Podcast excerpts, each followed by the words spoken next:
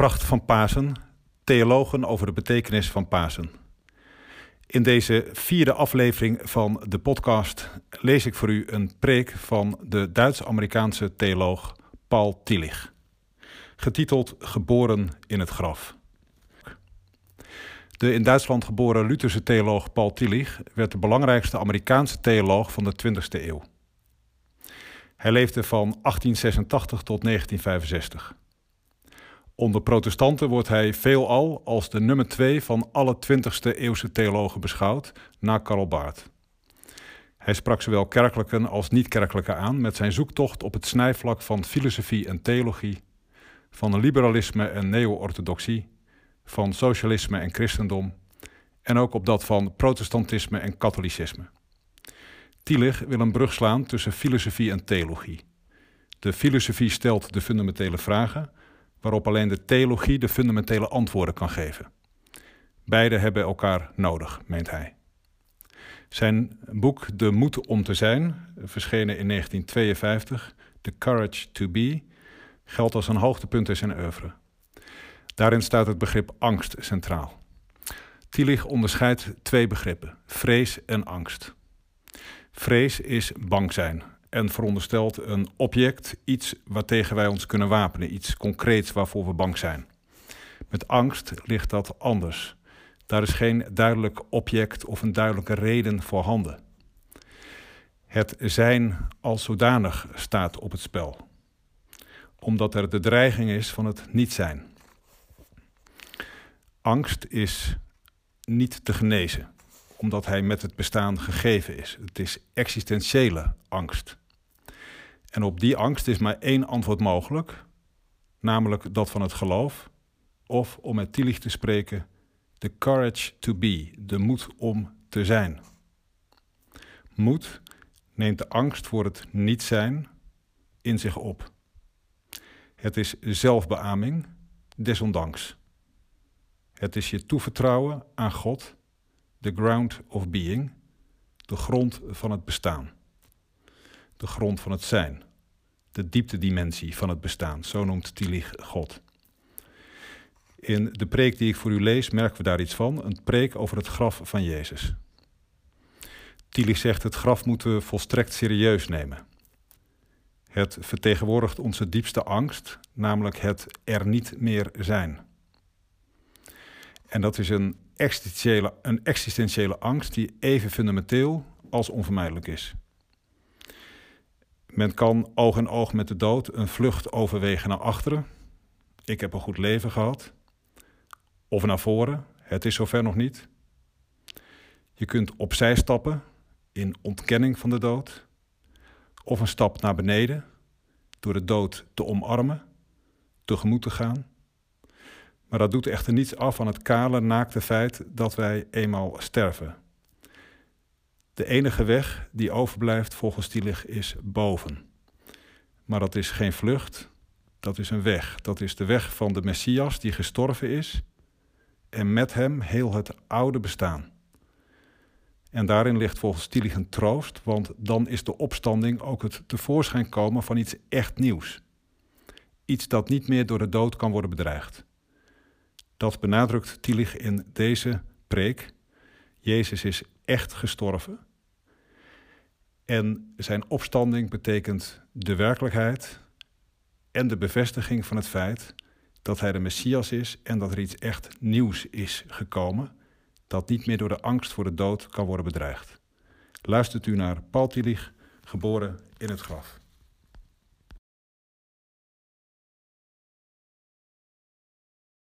Lezing is Matthäus 27, de versen 57 tot 66.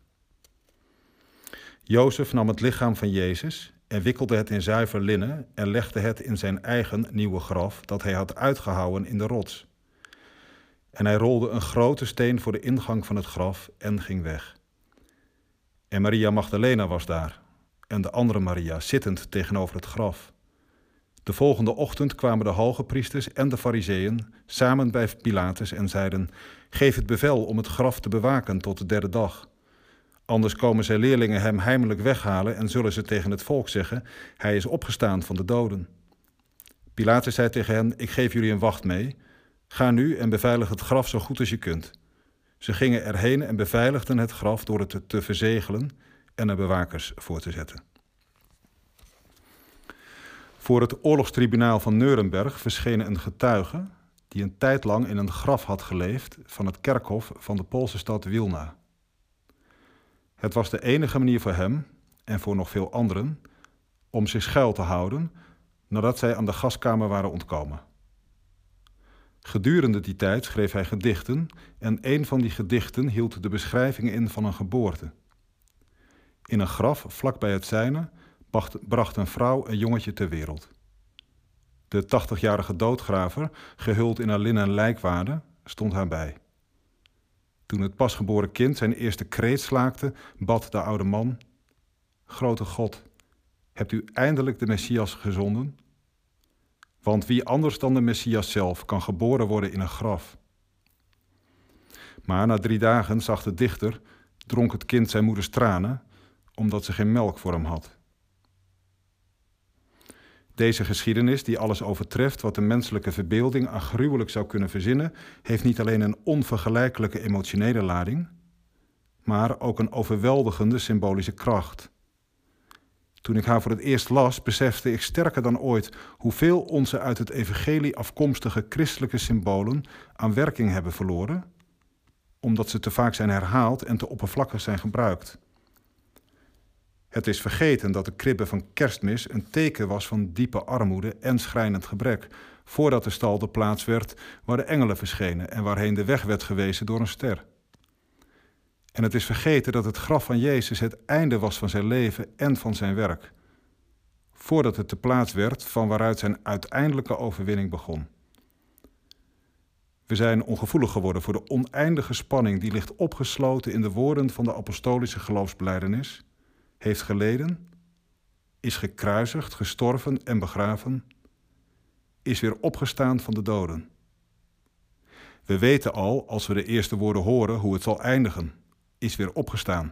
Een happy end dat voor veel mensen alleen maar vanzelfsprekend is. De oude Joodse doodgraver wist beter. Voor hem was de onmetelijke spanning van de verwachte komst van de Messias een werkelijkheid die gestalte kreeg in het oneindige contrast tussen de dingen die hij zag en de hoop die hij in zichzelf levend hield. De intensiteit van die spanning komt in alle duidelijkheid tot uitdrukking aan het slot van de geschiedenis. Na drie dagen werd het kind niet opgenomen in de hemelse glorie. Het dronk zijn moeders tranen, omdat het niet anders te drinken had. Waarschijnlijk stierf het en de hoop van de oude Jood viel eens te meer in duigen, zoals al ontelbare keren eerder. Er kan geen troost worden geput uit deze geschiedenis. Een happy end is onmogelijk en precies dat is de waarheid van ons leven.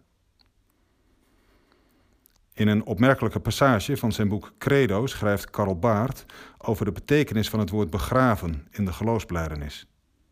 Wanneer iemand wordt begraven, wordt daarmee formeel bevestigd en bekrachtigd alsof hij nog onder ons was, maar in werkelijkheid nadat hij ons al heeft verlaten, dat hij geen heden meer heeft, nog een toekomst. Hij is zuiver verleden geworden. Hij leeft alleen nog in de herinnering en ook dat alleen zolang degenen die in staat en bereid zijn zich hem te herinneren, niet zelf zijn begraven. En de toekomst waar ieder heden voor een mens in uitmondt, is steeds weer diezelfde waarheid dat hij zal worden begraven. Deze woorden omschrijven precies de situatie waarin de trotse oude Jood verkeerde toen hij bad: Grote God, hebt u eindelijk de Messias gezonden. We gaan dikwijls opzettelijk voorbij aan de ernst die het woord begraven in de geloofsblijdenis heeft. Niet alleen met betrekking tot de Christus, maar ook met betrekking tot onszelf, door te denken dat niet wij worden begraven, maar alleen een relatief onbelangrijk deel van ons, namelijk ons lichaam. Dat is niet wat in de beleidenis wordt bedoeld. Het is één en dezelfde persoon, Jezus Christus genaamd, van wie wordt gezegd dat hij heeft geleden en dat hij werd begraven en dat hij opstond van de doden. Hij werd begraven, hij, zijn hele persoon, werd uit de wereld weggenomen. Datzelfde geldt voor ons, wij zullen sterven. Wij, onze hele persoon, waarvan ons lichaam niet als iets louter toevalligs kan worden gescheiden, Wij zullen sterven. Alleen als we het woord begraven in de verhalen van het evangelie zo ernstig opvatten, kunnen we het paasverhaal en kunnen we de woorden van de doodgraver, wie anders dan de Messias kan worden geboren in een graf, naar waarde schatten. De vraag van die doodgraver heeft twee kanten. Alleen de Messias kan leven opwekken uit de dood. Het is geen natuurlijk gebeuren. Het gebeurt niet iedere dag, maar het gebeurt op de dag van de Messias. Het is het meest verbazingwekkende, het meest diepzinnige en het meest paradoxale mysterie van het bestaan. Dat een verondersteld beter deel van ons onsterfelijk zou zijn, kan het ontstaan van leven uit het graf niet verklaren. Eeuwig leven ontstaat alleen door de komst van de nieuwe werkelijkheid. Van het nooit eindigende tijdperk van de Messias. Dat volgens ons geloof al is aangebroken met de komst van Jezus als de Christus. Maar er zit nog een andere kant aan die bewering: dat niemand anders dan de Messias zelf kan worden geboren in een graf. Een kant waarvan die vrome Jood zich misschien niet zo sterk rekenschap gaf. De Christus moet worden begraven om de Christus te kunnen zijn. Dat wil zeggen, hij die de dood heeft overwonnen. Het verhaal uit het Evangelie dat we hebben gehoord verzekert ons dat de dood en graflegging van Jezus werkelijk en onherroepelijk was. De vrouwen, de hoge priesters, de soldaten, de verzegelde steen, zij allen worden door het Evangelie opgeroepen om te getuigen van de werkelijkheid van dat einde. Wij zouden beter moeten luisteren naar deze getuigen. Naar degenen die ons triomfantelijk of cynisch vertellen dat hij is begraven. Dat hij voor altijd uit de wereld is weggenomen, dat er in onze wereld geen tastbare sporen van hem zijn achtergebleven. En we zouden ook moeten luisteren naar de anderen die zeggen, in twijfel en wanhoop, maar we wisten toch zeker dat hij het was die Israël zou verlossen. Het is niet moeilijk om in onze wereld van, van, van vandaag allebei die stemmen te horen. Een wereld waarin zoveel plaatsen zijn als het Joodse kerkhof van Wilna. Het is zelfs mogelijk ze te horen binnen in onszelf. Ieder van ons kan ze binnen in zichzelf horen. En wanneer we ze horen, wat kunnen we dan antwoorden? Laten we daarover duidelijk zijn. Het antwoord van Pasen is geen vanzelfsprekendheid. In werkelijkheid bestaat er geen onvermijdelijk happy end, zoals goedkope en leugenachtige B-films ons suggereren.